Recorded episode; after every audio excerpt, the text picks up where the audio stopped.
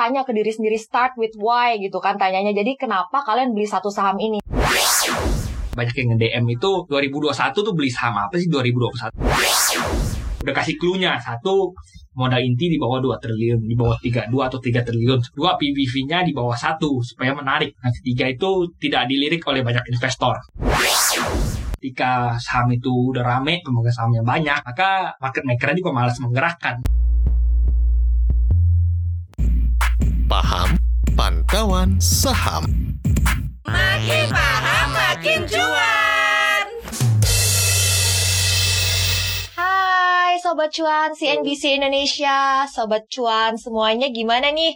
Mantep banget kan? Di hari pertama perdagangan Bursa Efek Indonesia IHSG membukukan penguatan 2,1 persen Ya kan? iya nih Di level psikologisnya 6100 Mantep banget kan? Ayo yang udah cuan absen di kolom komen Ada yang kena Eh ada bos Eke Pangeran Punce Ada yang kena prank nggak? Tadi kan pagi-pagi di awal-awal tuh sempat dibuka di zona hijau Abis itu kan sempat turun tuh cek cek cek cek cek cek Ada yang kena prank? Boleh juga komen ya Kalian semua menyaksikan Paham Pantauan saham semakin paham semakin cuan. Jadi selain IG Live nanti juga hasilnya akan kita lempar di podcastnya Cuap Cuan. Jadi bisa dengerin lagi nih uh, insight-insight cuan dari tim riset CNBC. Halo Triputra Namanya Triputra. Oke, yang baru dari Bali ya. Work from Bali. WFB selama dua pulang minggu. nih Oke Put, gimana Put? Kemarin tuh kan kita tutup tahun kan sempat ada yang takut nih, wah gila. Eh, koreksi dua hari berturut-turut gitu kan. Iya. Tapi ternyata itu prank belaka nggak sih? Ya sebenarnya sih udah diprediksi ya itu biasanya ketika koreksi tajam dua hari berturut-turut tuh hari ketiga misalnya ada sentimen positif maka bisa balik arah seperti itu. Nah hari ini sentimen positif kan ada dua ya satu dari PMI manufaktur di mana hari ini tuh berhasil di rilisnya tuh mengatakan bahwa kita udah di zona ekspansi sebetulnya di atas 50 dan dua bulan berturut-turut. Nah sebelum-sebelumnya tuh jarang sekali ada zona ekspansi dua bulan berturut-turut seperti itu. Terakhir itu di 2019 Mei Juni dua bulan berturut-turut ekspansi. Selain itu data bagus lain itu melalui rilis BPS ya menunjukkan bahwa bulan Desember ini ada inflasi yang cukup besar seperti itu. Nah, ketika ada inflasi cukup besar di kondisi seperti ini menunjukkan bahwa daya beli masyarakat itu sudah mulai tumbuh ya, sudah mulai pulih seperti itu. Setelah November kemarin juga terjadi inflasi, jadi udah ada perbaikan. Oke, Put kita tahu kan eh, tadi pas aku juga siaran nih ekonom-ekonom bilang ada beberapa game changer nih dua 2021 yang ini bakalan eh, mempengaruhi pasar keuangan juga. Kalau di mata eh, lo gimana Put? Ya banyak sih game changer dari aksi korporasi lalu dari peraturan-peraturan baru yang akan diterbitkan itu sangat game changer sekali ya untuk 2021 Undang-undang ini. Citaker ini yang Nah, kita nantikan ya. Citaker itu. Kemudian Sovereign Wealth Fund dan juga semuanya berharap nih sebenarnya vaksinasi bisa sukses nih ya Put. Iya kalau untuk vaksinasi sih dari kami sendiri sih melihatnya sih masih masih belum akan berdampak ya untuk 2021 karena kita tahu untuk tahap pertama sendiri ini yang akan divaksin tuh hanya frontliner seperti itu frontliner dari sektor kesehatan, nurse, dokter dan sebagainya itu. Jadi ketika hanya frontliner dulu divaksin yang lainnya masih belum mendapatkan vaksin maka perekonomian ini masih masih belum akan ber- berputar seperti sedia kala sebelum terjadi pandemi karena orang-orang yang masih belum divaksin masih masih takut ber, ber, apa, berjalan bekerja seperti itu beraktivitas seperti biasanya. Sebenarnya kita berharap sih vaksinasi ini bisa bantu ngeboost uh, confidence ya sehingga kayak konsumsi itu bisa terdorong ya karena tadi juga IHK uh, ternyata cukup uh, hasilnya ada tanda-tanda uh, tren peningkatan gitu dari Oktober, November sampai Desember ya Put kayak yang tadi Putra bilang. Iya. Kalau untuk dari trennya emang trennya ada perbaikan di mana daya beli masyarakat itu sudah, sudah mulai membaik kan diprediksi nih di Januari, Februari dan Maret ini untuk kuartal pertama tahun 2021 masih akan membaik, masih akan terjadi inflasi. Jadi daya belinya memang udah pulih seperti itu. Oke, hai teman-teman yang baru join, kalau kalian punya uh, sektor atau saham-saham yang pengen dimintain insight-nya dari tim riset CNBC Indonesia, boleh tulis di kolom question ya, atau juga di kolom komen. Oke, pada hari ini itu kita mulai dari uh, sektor yang manggungnya mantep banget ya. Jadi yang membukukan uh, penguatan luar biasa ini ada dari sektor perkebunan. Iya, dari sektor perkebunan dari CPO yang harganya udah melesat-melesat tinggi itu salah satu yang menarik hari ini apa yang bergerak naik seperti itu yang mendorong IHSG. Sampai 3,9 persen ya untuk sektor perkebunan. Ayo siapa yang cuan dari saham-saham eh, CPO nih? Wah banyak yang nanya Pegas nih. Ulala, Pegas kena ARB.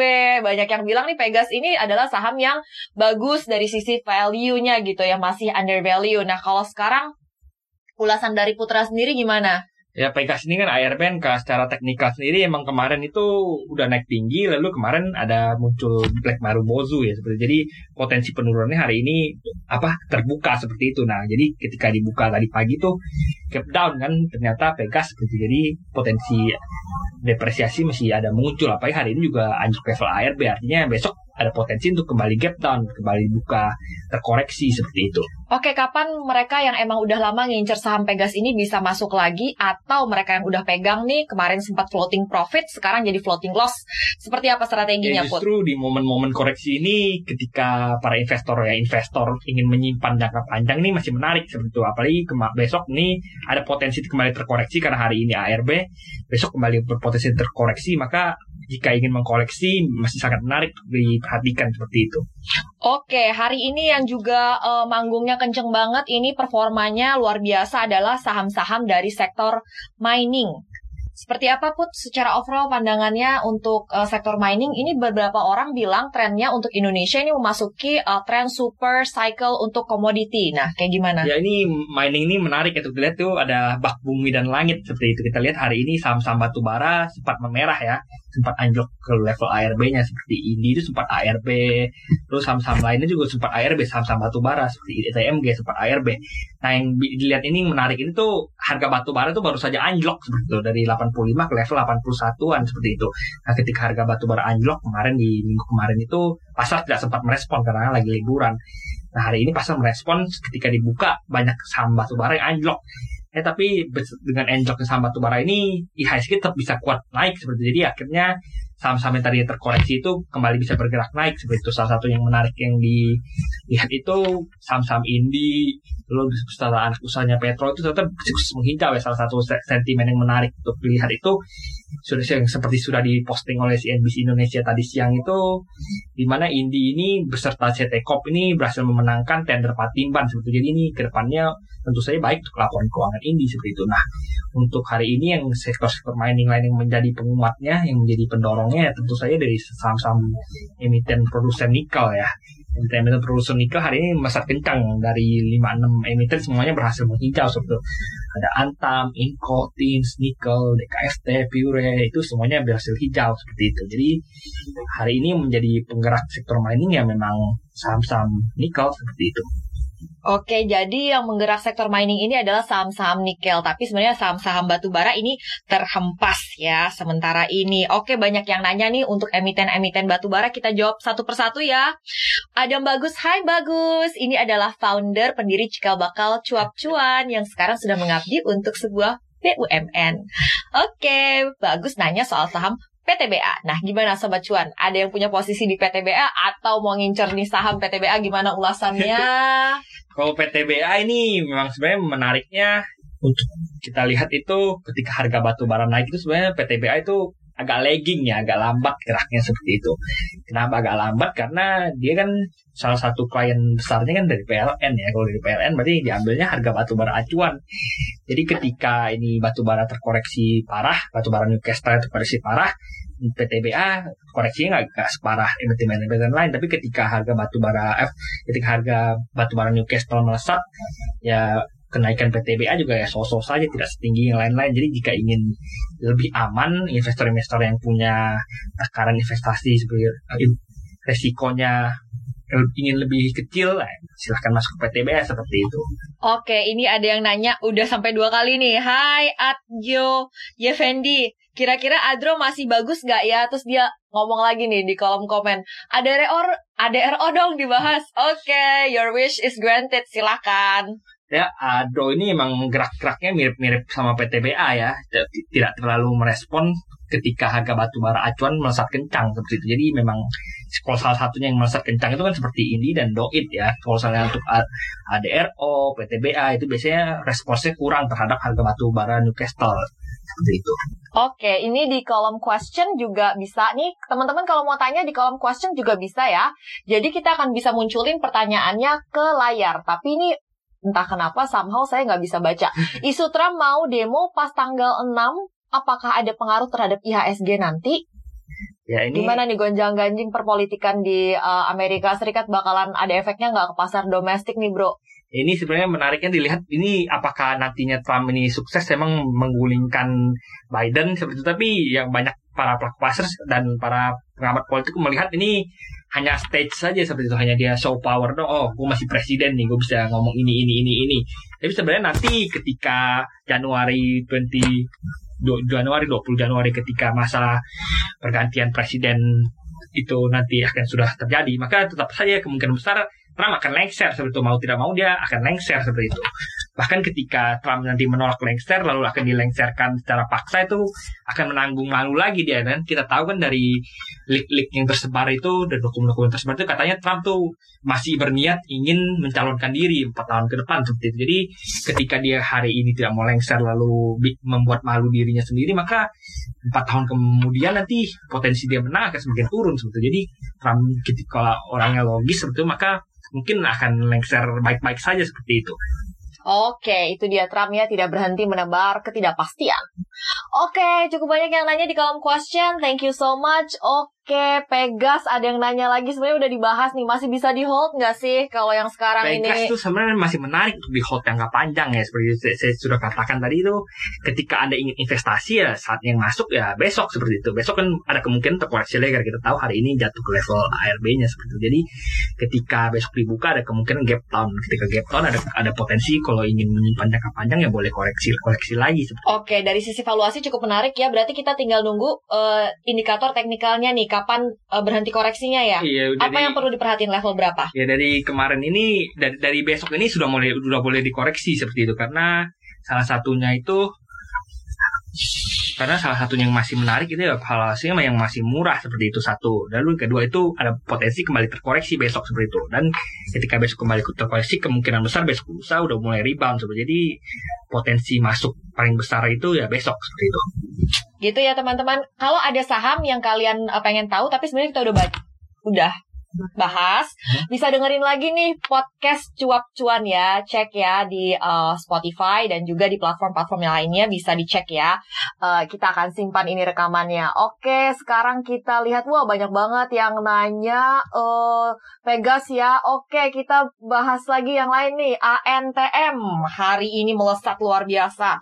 Ini ANTM juga ada yang nanya dari Dodeyosan selain yang kita tampilkan di layar ini. Cukup banyak ini saham trending topik hari ini. ANTM silahkan ulasannya gimana? Put? Ya ANTM memang menjadi saham yang hot ya akhir-akhir ini paling salah satu yang paling banyak diperdagangkan tuh ANTM. ANTM tuh berhasil menjadi top value dan top volume seperti itu. Nah, yang menarik ini memang Antam ini baru recent high-nya itu baru tembus seperti itu. Memang tidak, Resistennya berapa nih kata Rizky Pratitan? ya memang Antam ini tuh tidak menyentuh level all time high, belum menyentuh level all time high-nya tapi kita bisa tahu dia recent high-nya tuh berhasil ditembus seperti itu baru akhir-akhir ini dia berhasil menembus level Oh, tertinggi akhir-akhir level ini tertinggi dalam tiga tahun ya, 2200 hari ini sudah tertembus. Iya. Gimana resisten selanjutnya gimana, Bro? walaupun memang dia belum nembus level all time high-nya dia udah level tertinggi selama tiga tahun terakhir sebetulnya kita lihat di, dari sini itu Oke, sebentar ya, dilihatin dulu sisi teknikalnya ya. Karena tim riset CNBC, selain harus ngerti fundamentalnya, harus ngerti teknikalnya juga. Oke, sementara itu, sementara Bro Putra lagi cek eh, ininya nih, teknikalnya kita ngomongin saham yang lain lagi nih. Eh, Oke, ada yang nanya Wika untuk sementara.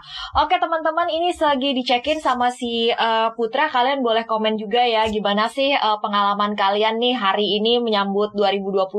Kita banyak dapat optimisme mulai dari rupiah yang mencetak eh, ke level psikologisnya ya di bawah 14.000 luar biasa banget rupiah menguat IHSG menguat level 2% juga. Jadi it's a good start for us ya untuk teman-teman yang semuanya ada di pasar saham dan juga pasar keuangan tentu saja. Gimana? Silakan. Ya untuk Antam tuh resisten pertama ini di angka 2301 ketika berhasil menimbus level itu bisa berpotensi itu kembali menguji level 2668 seperti itu.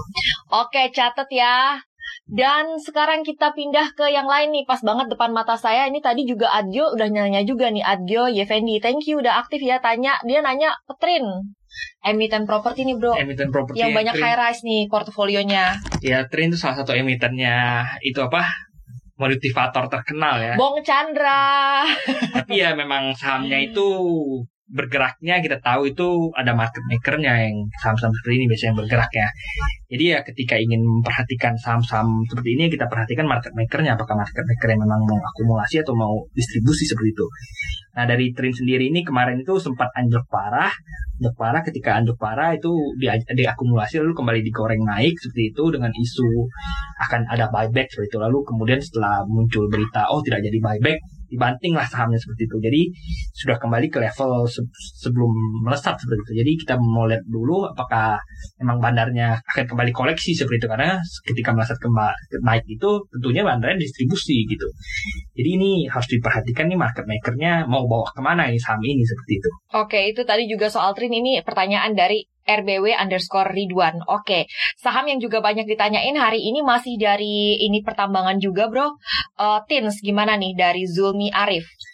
Ya Tins itu memang salah satu emiten nikel yang yang menarik untuk diperhatikan ya seperti itu selain dari Antam dan Inco seperti itu. Dia sepertinya itu kalau nggak salah itu dia produsennya tuh cukup besar seperti itu selain selain Antam dan Inco Tins itu cukup besar seperti. Jadi secara fundamental sendiri di antara ketiga itu Tins yang paling murah seperti. Tapi untuk jika men- menurut tim riset CNBC Indonesia yang berpotensi naik paling tinggi itu Antam walaupun Tins fundamentalnya paling murah seperti itu karena yang akan Kapan memegang- bisa ikutan katanya untuk Tins? ya karena yang memegang peranan salah satu peranan paling besar nanti di EV ba- baterai holding ini tuh Antam seperti itu. Nah untuk tim sini ya kita lihat ini memang emang akhir-akhir ini lagi uptrend ya seperti itu. Jadi baru ha- baru hari ini kembali uptrend setelah kemarin kemarin dua hari terkoreksi. Jadi sebenarnya ketika terkoreksi lagi itu menarik di, di- dikumpulkan seperti itu. Jadi ha- harusnya kok ketika ingin koreksi itu kema- koleksi itu kemarin seperti itu. Jadi ini sekarang kita mungkin akan menunggu ada koreksi lanjutan dulu baru lebih baik koreksi saat itu seperti itu. Wah, masih banyak yang nanya Pegas rupanya nih. Kita simpan ya untuk belakangan nih. Apa boleh average down? Kita simpan ya. Ntar ya teman-teman, kita lihat. Oke, eh, ada yang nanya Wika. Ya, Wika ini salah satu yang menarik di sektor konstruksi ya seperti itu. Wika dan PT PP ya itu salah satu yang masih murah secara valuasi salah satu yang paling murah valuasinya secara PBV. Kita tidak menggunakan per untuk saham-saham konstruksi kan karena kita tahu pendapat laba bersihnya saham-saham konstruksi pada tahun 2020 itu terserang parah ya dari pandemi corona. Jadi apa, valuasi pernya itu tidak mencerminkan valuasi perusahaan. Jadi biasanya yang digunakan ketika kondisi ini lebih baik pakai menggunakan PBV seperti itu. Nah, memang Wika ini memang salah satu yang masih murah seperti itu. Kita lihat PBV-nya masih sekitar 1,35, jadi sebenarnya masih menarik untuk dikoleksi seperti itu. Apalagi kita tahu ke depannya ini kan sentimen positif bagi Wika itu salah satu satu SWF ya, di mana ketika SWF sudah mulai lancar, maka akan datang investasi-investasi di sektor real. Nah, ketika ada investasi sektor real yang akan dianak emaskan ya tentunya pemerintah akan berikan dulu ke BUMN BUMN konstruksi seperti itu. Oke, eh, masih soal eh, kita nanya GIAA, kenapa nggak naik-naik? kenapa? kenapa? Ya sebenarnya GIAA ini sudah tergolong mahal ya, udah udah walaupun udah masih YTD-nya masih anjlok parah kita tahu kan sektor ini penerbangan pariwisata itu yang terdampak paling parah dari corona siapa sih yang mau jalan-jalan di kondisi seperti ini susah juga ya. Utangnya besar juga ya Ya, bro. utangnya besar juga dulu secara nilai nilai bukunya juga minus walaupun memang ke depannya akan disuntik dana oleh perusahaan sekarang book value-nya Garuda itu minus seperti itu. Emang tapi dia kadang-kadang suka kasih kejutan ya bergerak dengan eh, mantap banget ya. Tapi mungkin karena ada juga eh, pemain besar di situ ya. Iya karena di GIA itu ada pemain besar yang ingin menjaga harga seperti itu. Jadi walaupun fundamental sebenarnya kurang baik ya saat ini GIA, tapi ya harganya dipaksakan seperti itu. Jadi kalau misalnya seorang investor ya lebih baik menghindari saham-saham seperti ini seperti itu. Oke, itu dia. Nih ada yang nanya nih eh, buat long term BJTM, Bang Jatim sama AGII. Ini produsen eh, gas ya. Ya untuk BJTM itu sebenarnya masih menarik ya untuk diperhatikan. Kenapa? Karena sebenarnya walaupun sudah mulai pulih, sudah mulai pulih dari pandemi virus corona itu sebenarnya masih murah karena kita tahu secara valuasi itu PJTM naik terus ya, valuasinya naik, naik, naik, PBV-nya naik terus. Lalu Royal juga membagikan dividen seperti itu. Jadi ketika saham harganya naik terus, lalu Royal membagikan dividen itu ter- tergolong dalam company perusahaan yang memang masih layak dikoleksi seperti itu. Jadi menarik seperti itu. Kalau AGII tadi, Aneka Gas Industri. Untuk AGII itu sebenarnya kita lihat dulu di sini. Sebenarnya cukup cukup sehat ya perusahaannya. Bisa cetak laba di tengah pandemi. Terus secara book value juga masih masih di bawah satu seperti itu. PBV-nya masih di bawah satu. Jadi potensi kembali ke level 1 PBV itu masih terbuka seperti itu. Ini untuk dilihat lagi Oke, eh, bro, ini ada yang nanya Rizky Pratitan. Kalau sektor consumer tahun ini kira-kira gimana? Mungkin beberapa saham eh, consumer kemarin yang lain pada manggung, consumer kan masih belum ya di Iya, akhir iya, tahun ya. iya. Tapi kemudian pada hari ini nih, hari pertama perdagangan 2021 ada beberapa saham yang tadinya koreksi, koreksi, koreksi, koreksi terus, udah mulai kayak ada tanda-tanda mantul gitu. Gimana sih sebenarnya kalau untuk eh, sektor consumer, bro? Ya untuk konsumer hari ini yang manggung udah satu ya Mayora ya. Tapi sebenarnya dari kami sendiri tuh nggak menyarankan untuk sektor konsumer dulu ya. karena kita tahu kan ada masalah trade off ya. Kalau lu naruh uang lu di saham sektor konsumer, lu bakal kehilangan momentum untuk naruh di saham sektor lain. Padahal kita tahu saham sektor konsumer ini kan geraknya lambat gitu, lebih defensif. Ketika adanya pandemi corona, maka mereka juga tidak akan terlalu terdampak. Tapi ketika ini pandemi udah mulai pulih ya, kita kita kan ingin menangkap momen pulihnya Indonesia dari pandemi seperti itu. Jadi kita kalau ingin menangkap momen itu, ketika lu pengen emang bukan investor yang cenderung defensif, maka lebih baik alihkan aja ke saham-saham yang emang siklikal. Tapi kalau emang lu defensif, lu mulai aman-aman aja, lu takut misalnya ada corona jilid 3, jilid 4 gitu ya. Baik lu taruhnya di saham-saham consumer seperti itu. Jadi gitu ya, kalau misalnya sukanya yang larinya kencang, mungkin bila bisa pilih sektor lain. Tapi kalau mau aman, consumer gitu ya. Ya begitu kurang lebih. Intinya kurang Intinya lebih begitu. maksudnya Koko Putra Opa. Dibilang sama bagus Mas Putra nih kalau copot masker pasti kayak opa-opa K-pop. Hmm. Oke, eh tadi ada yang nanya nih. Dijawab dong, eh, bro. Eksotik, kakak, saya kan baru mau mulai main saham. Ada saran nggak? Saran buat eh, pemula nih, bro. Gimana, Saran bro? buat pemula itu sebenarnya rib- eh, apa langsung set up account aja. Kalau saran saran dari si- saya sendiri sih cari yang satu yang sekuritasnya murah dua yang nggak ada minimal transaksi biasanya ada sekuritas yang ngasih minimal transaksi misal lu transaksi satu lot tapi lu dikenain langsung bisa biaya lima ribu atau dua puluh ribu seperti itu cari yang nggak ada minimal transaksi dan fee-nya murah seperti itu untuk pemula dulu dan cari juga yang aplikasinya tentu saja harus bagus seperti itu nggak tahu saya boleh nyebut merek nggak ya di sini Jangan kalau kamu boleh. nyebutin beberapa boleh, tapi kalau satu Oh, ya. doang jangan. Nanti dikirain endorse. ya salah satu yang yang yang untuk dari saya itu yang Salah tiga tiga. salah tiga oke saya sebutin. Yang aplikasinya paling bagus itu menurut saya sendiri sih itu Mandiri Sekuritas. Mandiri Sekuritas itu aplikasi paling bagus. Tapi kelemahannya dari Mandiri Sekuritas itu lu kalau misalnya anda beli bisa satu lot saja bisa kena biaya minimal. Biaya minimalnya itu kalau nggak salah minimal charge-nya lima ribu. Jadi bisa lu beli satu saham harganya lima puluh ribu kena Jangan beli 5.000. saham gocap dong, baru masuk pasar saham beli saham Ya gocap. contohnya gitu kan Contoh. lumayan juga kan kena fee-nya berarti kurang lebih 10% langsung langsung kena fee-nya. Jadi cukup cukup sakit ya misalnya hanya beli 1 2 3 lot. Nah, selain itu yang yang untuk yang masih murah, yang murah itu YP. YP itu Mirai Aset itu salah satu yang paling murah di sekuritas ini murah itu dengan fee-nya 0,15 dan 0,25 fee beli dan fee jual seperti itu. Dan aplikasi juga nggak kalah nggak kalah canggih dari Mandiri walaupun memang kalau misalnya pagi-pagi suka ngelek seperti itu jika Karena banyak pemirsa retail yang pakai retail yang ini Mirai Aset, ya. seperti itu. Ini salah satu sekuritas retail yang paling gede emang Mirai Aset seperti itu. Jadi ketika lu Udah jangan kebanyakan ngomongin satu sekuritas yang sama, satu app lagi satu pilih. lagi ya, Tadi kira bayar kita. Lanjut. yang menarik itu salah satu sinar mas sekuritas juga sebenarnya masih satu murah kedua itu kelebihannya itu kalau misalnya anda beli dan jual di hari yang sama dapat fee gratis apa dapat potongan fee seperti jadi kalau trader trader yang mau beli dan jual di hari yang sama day trade day trade nah enaknya di sinar mas sekuritas karena lebih murah Oke, saya nambahin teman-teman perlu juga eh, untuk explore cari aplikasi yang seluruh proses registrasinya itu bisa diselesain tanpa kontak ya. Jadi contactless bisa selesai lewat genggaman aja. Udah ada cukup banyak aplikasi yang seperti itu. Jadi kalian bisa langsung action Oke, dan tadi sesuaiin ya, pakai uang dingin, bukan uang yang tadinya untuk bayar sekolah anak, uang dapur dipakai, jangan. Uang buat kawin, jangan pemirsa ya. Pakai uang dingin, uang yang kira-kira kalau misalnya kalian nyangkut tuh di saham, kalian tetap tenang. Makan tetap enak, tidur tetap enak, kayak gitu ya buat memulai ya. Ya. Kemudian sarannya lagi, oh sesuaikan dengan psikologis kalian nih. Ada pesan ya dari uh, financial planner yang hits banget bahwa kalau untuk uh, saham nih ya, kita itu sesuaiin lotnya. Jadi misalnya kayak gini, kalau kalian masuk satu saham 5 juta, kalian kepikiran banget nih saham minus 5% kepikiran. Berarti kegedean dana kalian masuk ke saham itu ya. Kurangin, misalnya 2 juta, oke. 2 juta nih yang gue tenang, gue ngapa-ngapain tuh saham turun naik, turun naik, gue tetap tenang.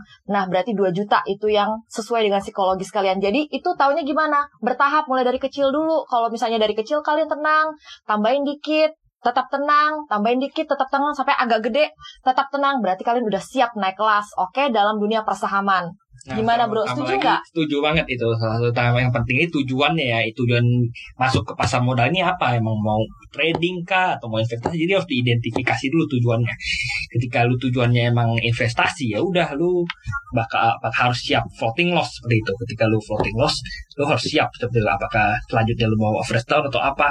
Sedangkan kalau lu trading, lu harus siap cut loss seperti itu. Jadi ketika saham turun lu jangan tahan-tahan, harus siap cut loss seperti itu. Jadi harus sudah tahu dulu tujuan ini masuk ke pasar modal apa. Lu selanjutnya tuh harus tahu juga resikonya. Ketika lu masuk saham-saham yang beresiko, lu harus tahu resikonya seperti apa. Ketika lu masuk saham-saham, misalnya lu, lu harus tahu lu toleransi resiko diri lu sendiri itu gimana. Apakah lu menghindari resiko, apakah lu suka resiko. Karena kita tahu semakin besar resiko suatu saham, gainnya juga semakin tinggi seperti itu. Tapi semakin rendah resikonya ya gainnya cuma kecil-kecil aja seperti itu. Iya, tahu dulu. seperti itu. Betul. Ada orang yang loss, floating loss 20% tetap tenang. Ada orang yang floating loss cuma 5%, dia udah panik. Jadi harus sesuaiin ya. Dan kemudian tadi caranya tahu adalah misalnya tanya ke diri sendiri start with why gitu kan tanyanya. Jadi kenapa kalian beli satu saham ini? Misalnya belinya karena dia valuasinya lagi rendah. Berarti kalian alasannya fundamental kan? Ya nggak? Berarti kapan kalian akan jual? Bisa misalnya pada saat terjadi perubahan pada fundamental yang akan mempengaruhi saham ini atau misalnya dia sudah mencapai harga wajarnya dia. Jadi start with why. Kalau kalian bisa jelasin kenapa kalian beli satu saham, itu berarti udah benar. Kalau kalian nggak bisa jelasin kenapa kalian beli satu saham, ikut-ikutan aja. Itu kemungkinan besar nanti akan galau pada saat harganya terombang-ambing ya. Jadi kalau misalnya kalian beli satu saham karena misalnya technical, oh ini saham sudah terkoreksi banyak dan sudah mencapai support kuatnya, udah potensinya ini kemungkinan mantul ya udah kalau alasan kalian beli technical berarti nanti jualnya juga karena alasan technical ya gitu. Wah, nggak? mantap sekali nih Kak Ali ini sudah gantiin saya nih sampai tim riset. Oke, Koko yang ngom- ngomong, saya yang ngap. Lucu banget sih. Eh, penonton cuap-cuan. Oke, semoga membantu ya teman-teman. Perbankan gimana kak buat long term? Misalnya BRIS, BMRI. Oke. Ya kalau Perbankan. untuk saya suruh pilih BRIS sama BMRI sebenarnya lebih menarik BMRI ya satu valuasi kalau dibandingkan dengan BRIS jauh lebih murah seperti itu. Nah, yang menarik ini BMRI ini kan nanti akan menjadi induknya BRIS seperti itu karena dia memiliki lebih dari 50% memiliki mayoritas. Jadi nantinya laporan keuangan BRIS itu kan dikonsolidasikan ke BMRI. Ketika laporan keuangan BRIS dikonsolidasi ke BMRI berarti nanti asetnya kan juga dikonsolidasikan kan. Nah, nantinya ini ketika sudah merger adalah fix ada ada bisa ketika dihitung di saat seperti ini ya saat saat, saat, saat ini tuh nantinya BMRI akan naik menjadi perbankan dengan aset terbesar di Indonesia ya. Jadi ada potensi untuk kenaikan di saham BMRI itu masih menarik seperti itu. Tapi kan kita tahu kan BBRI kan juga dapat hadiah dari Pak Erik ya walaupun prisnya diambil dapat hadiah berupa ada aksi korporasi raksasa dengan PNM dan pegadaian ya. Jadi nanti masih harus dihitung lagi apakah nanti dengan adanya aksi korporasi ini BBRI akan akan naik kembali menjadi saham apa perbankan dengan aset terbesar di Indonesia atau emiten dengan aset terbesar di Indonesia atau nantinya BMRI yang selanjutnya akan menjadi juara. Tapi yang dari kita bisa lihat ini dari dalam, dalam 2-3 bulan ke depan Februari nanti ketika mergernya fix BMRI akan naik menjadi perbankan dengan aset terbesar di Indonesia. Oke, RUPS BBRI 21 Januari. Catat pemirsa. Lanjut. Ada yang nanya juga nih, ada saham plat merah yang gara-gara pandemi jadi jadi jatuh under value.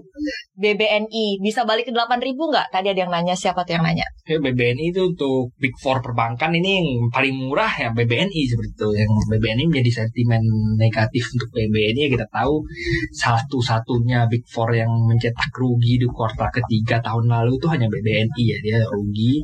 Walaupun kita tahu itu ruginya hanya pencadangan saja seperti itu. Tapi kan ada satu lagi yang perlu diingat para pelaku pasar kan. Ini BBNI itu kan baru saja melakukan reshuffle ya reshuffle reshuffle direksinya ya. Jadi ketika reshuffle direksi biasanya kan ada yang ingin terlihat keren. Jadi biasanya dibikin rugi di kuartal ketiga nanti ketika di kuartal keempat untung direksinya bisa berbangga oh ini kita berhasil meningkatkan bisa tercover seperti itu bisa balik arah. Nah jadi ada seperti itu seperti itu juga. Jadi pencadangannya akhirnya dibuat besar kalau akhirnya merugi seperti itu. Jadi sebenarnya untuk jangka panjang BBNI sebenarnya masih menarik Jangka panjang masih menarik BBNI menurut Triputra tim riset CNBC Indonesia. Oke, cukup banyak saham trending topik hari ini salah satunya adalah HMSP. Bagaimana bro? Bisakah dia memulihkan luka-lukanya bro? Kalau untuk kami dari tim riset CNBC Indonesia menganggap HMSP sulit ya untuk kembali ke level tertingginya. Wah, kenapa masih, demikian? masih sulit seperti sangat jalannya terjal sekali lah istilahnya seperti itu dalam jangka waktu 2, 3, 4 tahun ke depan tuh jalannya terjal untuk kembali ke level all time high-nya karena kita tahu ya ini sudah dihajar sangat parah ya berapa kali berdampak kenaikan cukai, kenaikan cukai, kenaikan cukai akhirnya ya terkoreksi parah ya. Dan kita tahu HMSP itu dari big cap itu saham-saham berkapitalisasi pasar besar satu-satunya saham yang dikuasai oleh investor domestik itu ya HMSP yang lainnya masih dikuasai oleh investor asing seperti itu. Jadi seperti BBCA, BBRI itu mayoritasnya masih dipegang asing, sedangkan di HMSP mayoritasnya dipegang lokal seperti. Jadi big fund big fundnya itu yang ada potensi mengerek saham-saham lain tuh nggak bisa apa nggak menarik kalau mau mengerek HMSP karena ya kita tahu yang yang main hanya pemain-pemain lokal jadi hanya bisa berharap, dari big fund lokal itu big fund big fund asing ogah narik HMSP Oke, ini ada dari media Hisa. Hai media Hisa, dia nanya Pewon sama TLKM. TLKM ini salah satu BUMN yang masih belum uh, melesat ya tahun kemarin ya di akhir tahun ya. Karena yang lain udah pada melesat tuh uh, apa BUMN plat merah kan? Hmm. Ya untuk Telkom sendiri sebenarnya ada yang menarik ya Telkom itu baru dua tiga hari lah dua tiga hari perdagangan ya dua tiga hari perdagangan lalu tuh melesat apa setelah melesat kencang itu secara teknikal Oh tapi hari golden ini cross. TLKM Iya. cocok ya? melesat kencang ya karena kita tahu kemarin-kemarin itu sempat golden cross golden cross sendiri sih adalah indikator teknikal di mana ketika MA jangka pendeknya biasanya digunakan 50 berpotongan naik dengan MA jangka panjangnya yang biasa digunakan yang digunakan itu MA 200 sudah berpotongan biasanya akan bentuk pola golden cross. Nah, golden cross ini biasanya menjadi apa? sangat disukai sekali. Tanda-tanda Investor. cuan Iya, pemirsa. cuan. Biasanya Kemarin itu baru berpotongan baru golden cross jadi menarik untuk dilihat ke dalam beberapa hari ke depan pergerakan Telkom seperti itu. Oke, saya mau jawab beberapa pertanyaan yang selain saham nih ya, tapi ini penting nih. Dari Aan 507. Saran kalau nyangkut di saham Gocap. Kalau nyangkut di saham gocap ya sebenarnya tujuannya beli saham gocap apa dulu pertama? Tujuannya emang di di kena jebak orang atau belinya di 100 terus turun ke gocap takut di cut loss atau apa? Alasannya dulu nyangkut di gocap. Mungkin alasannya udah nggak bisa turun lagi lebih daripada Gocap gitu. Atau saya belinya di memang belinya di gocap karena fundamentalnya bagus. Misalnya ada saham-saham yang misalnya fundamentalnya masih oke lah tapi harganya kan ditekan ke gocap ya. Ya udah hold aja kalau perlu Emang ada saham Gocap Ada. tapi fundamentalnya masih bagus? Ada. Buktinya Pak Lo Keng Hong yang dulu menjadi investor di kawakan itu kan pernah nyangkut di bumi juga digocap kan, tapi dia average down terus di pasar nego. Eh, makanya seperti saya katakan, kalau saya memang yakin fundamental saham gocap itu bagus, pasarnya apa, apa kalian menganggap pasar yang salah, menilai saham ini gocap, pasarnya memang lagi salah. Ya udah, fresh down aja di pasar nego seperti itu. Tapi emang ada nih bro, saham mie Gocap yang emang orang demen beli karena dia sesekali waktu dia bisa bangkit. iya, ada, ada saham-saham gocap yang kayak gitu, tapi kalau kayak gitu artinya spekulasi ya. Nah, Jangan ya. lu ngomong spekulasi bukan berdasarkan fundamental kalau fundamental kan secara teoritis kan dalam jangka panjang akan kembali ke nilai aslinya seperti itu nah misalnya belinya cuma spekulasi kalau bandarnya nggak mau ngangkat ya ribet juga siapa yang mau ngangkat. Jadi sebenarnya kalau terjebak di saham gocap ini saat pasar lagi kayak gini ruginya apa sih? Mungkin kalian kuat nahanin gitu ya, tapi kalian lost of opportunity. Istilahnya Iya. kereta-kereta lain udah bergerak naik melesat, kalian ketahan di saham gocap gitu. Tapi keputusan sekali lagi ada di tangan kalian ya teman-teman. Makanya kalau beli saham nih ya, kita harus tahu dulu the reason why kita belinya kayak gitu ya. Kalau kalian bisa dengan jel dengan mudah menjelaskan kenapa kalian beli satu saham ke orang yang nanya berarti kalian udah bener belinya alasannya kenapa dan kalian gak akan galau nih kalau ngeliat harganya lagi volatil atau berfluktuasi. Ya ataupun diam di kalau saya yakin itu baik ya sowat gitu karena saya yakin sama analisis saya sendiri seperti itu. Nah yang menarik ini kalau mau cut loss di misalnya lu nekat beli saham gocap karena spekulasi, lu mau cut loss juga susah seperti itu. Siapa yang menampung barang pertanyaannya pertama. Dan hati-hati ada beberapa saham gocap yang akan di delisting ya teman-teman. Iya, apalagi aja. bentar lagi delisting seperti itu. Jadi Iya. misalnya alasan apa misal lu beli lu juga walaupun nggak bisa turun lagi lu juga bingung misalnya lu misalnya mau cut loss bingung mau cut loss ke mana lalu banyak anggapan bahwa gocap tidak bisa turun lagi tapi sebenarnya masih bisa turun lagi ketika emitennya reverse stock split harga sama naik ke 500 lu anjlok ke 50 itu ada potensi juga seperti itu jadi Kayaknya walaupun ikut tahu gocap, saham yang mana nih dimaksud nih? ada banyak seperti itu itu doang jadi ada potensi turun lagi walaupun sudah 50 ketika emiten melakukan aksi korporasi seperti itu Aduh, masih banyak banget yang nanya nih teman-teman. Makasih banyak ya antusiasme. Tapi waktu kita tinggal 5 menit lagi. Jadi ada yang nanya nih di save ya kak live-nya. Oke, selain di save di IG juga akan kita lempar ke podcast cuap-cuan di Spotify dan juga di platform lain ya. Nantikan aja ya. Oke, terakhir nih. Sebelum kita bahas IHSG akan ke mana this whole week, minggu pertama di tahun 2021, ada beberapa yang masih nanya emiten. Lo yang pilih ya, mau jawab yang mana ya bro? BBKP atau RALS atau DMMX atau P1 atau eh, MPMX. Ini kalau dari gue sendiri sebenarnya gue ingin gue bahas ini sebenarnya dari kemarin kan ada yang banyak yang nge-DM itu 2021 tuh beli saham apa sih 2021 beli Ah saham boleh apa? boleh deh, penting-penting Jadi itu bro. saya kayak lebih oh yaudah ini gue, pengen bahas hari 2021 Coba, coba. tuh beli saham apa Beli saham apa coba? teasernya ya ini Dan ini untuk orang yang horizonnya jangka panjang atau menengah atau pendek nih bro. ini Kasih untuk tahu dulu. horizonnya dalam jangka waktu satu atau dua tahun jadi jangka waktu 2021 atau 2022 udah ada udah bisa dilihat hasilnya seperti itu. Nah di 2021 ini yang menarik ini adalah saham perbankan bukan perbankan sembarangan perbankan yang modal intinya di bawah 2 triliun. Kenapa? Perbankan itu menarik.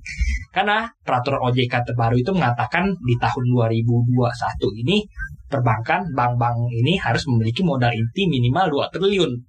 Jadi ketika ini bank punya modal inti di bawah satu triliun, dua triliun, maka satu mereka harus menerbitkan right isu, mengumpulkan modal, atau dua konsolidasi dengan bank lain, apakah merger atau diakuisisi oleh bank lain.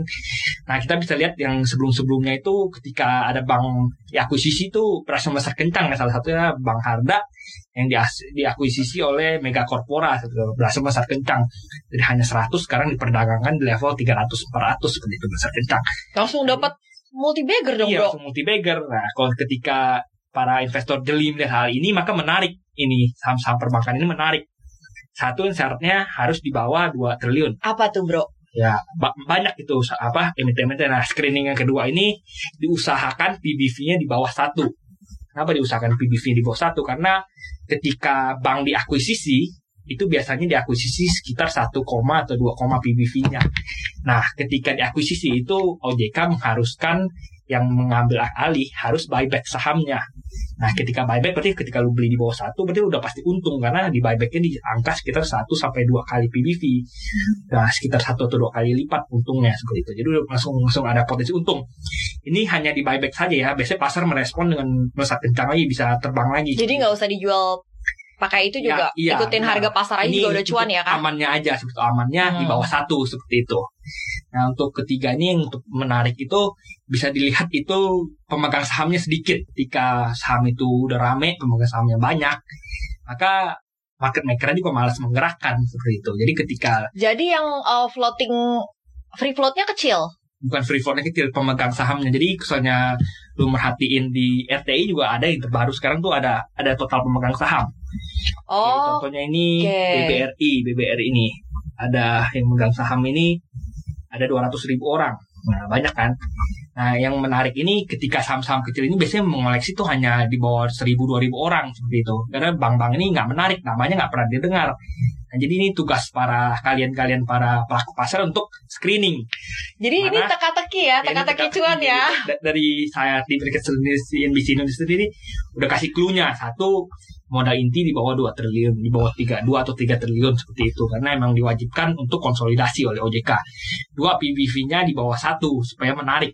Nah, ketiga itu tidak dilirik oleh banyak investor. Nah, itu saham-saham yang memang akan berpotensi terbang tinggi di 2021 dan 2022 ya. Tapi saya juga nggak mau nyebut sahamnya supaya nggak dianggap pom-pom seperti itu.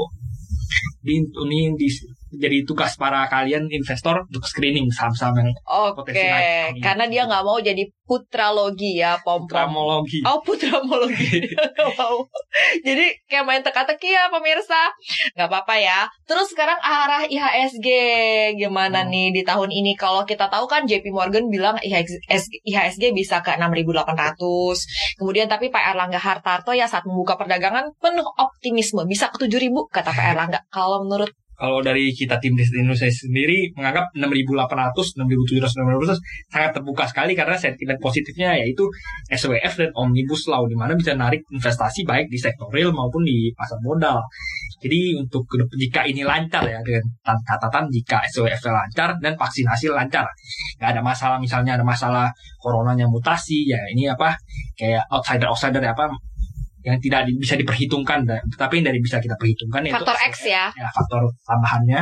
Ketika tidak ada faktor-faktor penekan tambahan lain lalu omnibus law-nya sukses lalu vaksinasi juga dianggap sukses maka potensi kembali ke 67 68 itu sangat terbuka sekali seperti itu. Oke, kalau untuk pekan pertama di 2021 nih kayak gimana nih gerak IHSG kan kita mengawalinya dengan indah nih di hari ini. Ya untuk pekan pertama sendiri mungkin masih akan sideways di sekitar 6100 ya kita tahu kemarin mau coba break level itu mau mau break 6200 gagal jadi tekanannya jualnya masih kuat jadi masih akan akan gerak-gerak di sekitar 6000 6100 saja pada perdagangan pekan pertama karena masih belum ada sentimen positif yang akan datang seperti itu. Oke, Rizky Pratitan nih penasaran nih sama kode-kode Bro Putra. Apakah itu apakah eh, modal inti sama dengan market cap? Beda ya teman-teman. Beda. modal inti beda dengan market cap. Jadi memang harus agak nyari-nyarinya agak PR dikit ya. Hmm. jadi sebenarnya kalau eh, di bawah 2 triliun nih bank buku satu ya? Bank buku 2, bank, buku, dua. satu itu satu triliun. sampai satu triliun. Jadi Ya, nih kita jadi harus berburu bank buku dua nih. Iya, jadi bank buku satu sekarang udah habis semua ya secara teoritis ya. Karena ke tahun 2020 lalu OJK mewajibkan bank-bank yang punya modal inti di bawah satu triliun untuk konsolidasi. Nah, satu satunya kemarin Harda kan punya modal inti di bawah satu triliun. Jadi ketika para pelaku para pelaku pasar jeli mengkoleksi Harda sebelum ada aksi korporasi maka pasti di, menghasilkan untung seperti itu. jadi sekarang yang harus dicari teman-teman nih bank buku Bank dua buku dua yang memiliki modal inti di bawah 2 triliun. Nah itu ya teka-tekinya Bro Putra ya kalau yang masih penasaran. Oke ini ada wow ada eh, Wapi Meret kita nanya nih Herdaru Purnomo. Halo Bang Daru. Koko itu Raffi Ahmad bilang M MKAS MCAS gimana? MCAS ya, MCAS Iya. yang salah satu saham apa imani imani gitu ya. Tapi sebenarnya saham-saham MCAS ini Wah sekarang ada Raffimologi lagi dong bro. jadi sebenarnya masih apa kalau misalnya kita lihat saham-saham MCAS ini sebenarnya tergolong saham-saham tech ya. Saham-saham tech ini kalau misalnya lu lihat secara fundamental apa dibandingkan dengan saham-saham konvensional tuh tergolong mahal. Tapi potensi gerak saham MCAS ini muncul karena dia saham-saham tech yang growth-nya bisa cepat seperti itu. Jadi kalau misalnya memang growth-nya bisa memuaskan para pasar, harga sahamnya bisa naik terus seperti walaupun valuasinya tinggi. Oke itu tadi pertanyaan terakhir ya. Sebenarnya kita udah mau tutup tapi karena Wapi Meret kita yang nanya kita jawab deh ya kan. Nanti kita mau cuti nggak di approve. Oke, teman-teman semua tadi ada yang misalnya nanya, eh apa tadi eh, teka-teki yang kedua, ketiga ketinggalan? Jangan lupa nonton, eh bukan nonton dengerin ya, nonton ulang di IG Live, dengerin ulang di podcast kita at cuap cuan di Spotify dan juga di platform-platform lainnya. Eh, dengerin terus, simak terus, paham pantauan saham, makin paham makin, Makin cuan. Salam cuan, sobat cuan semuanya, bye.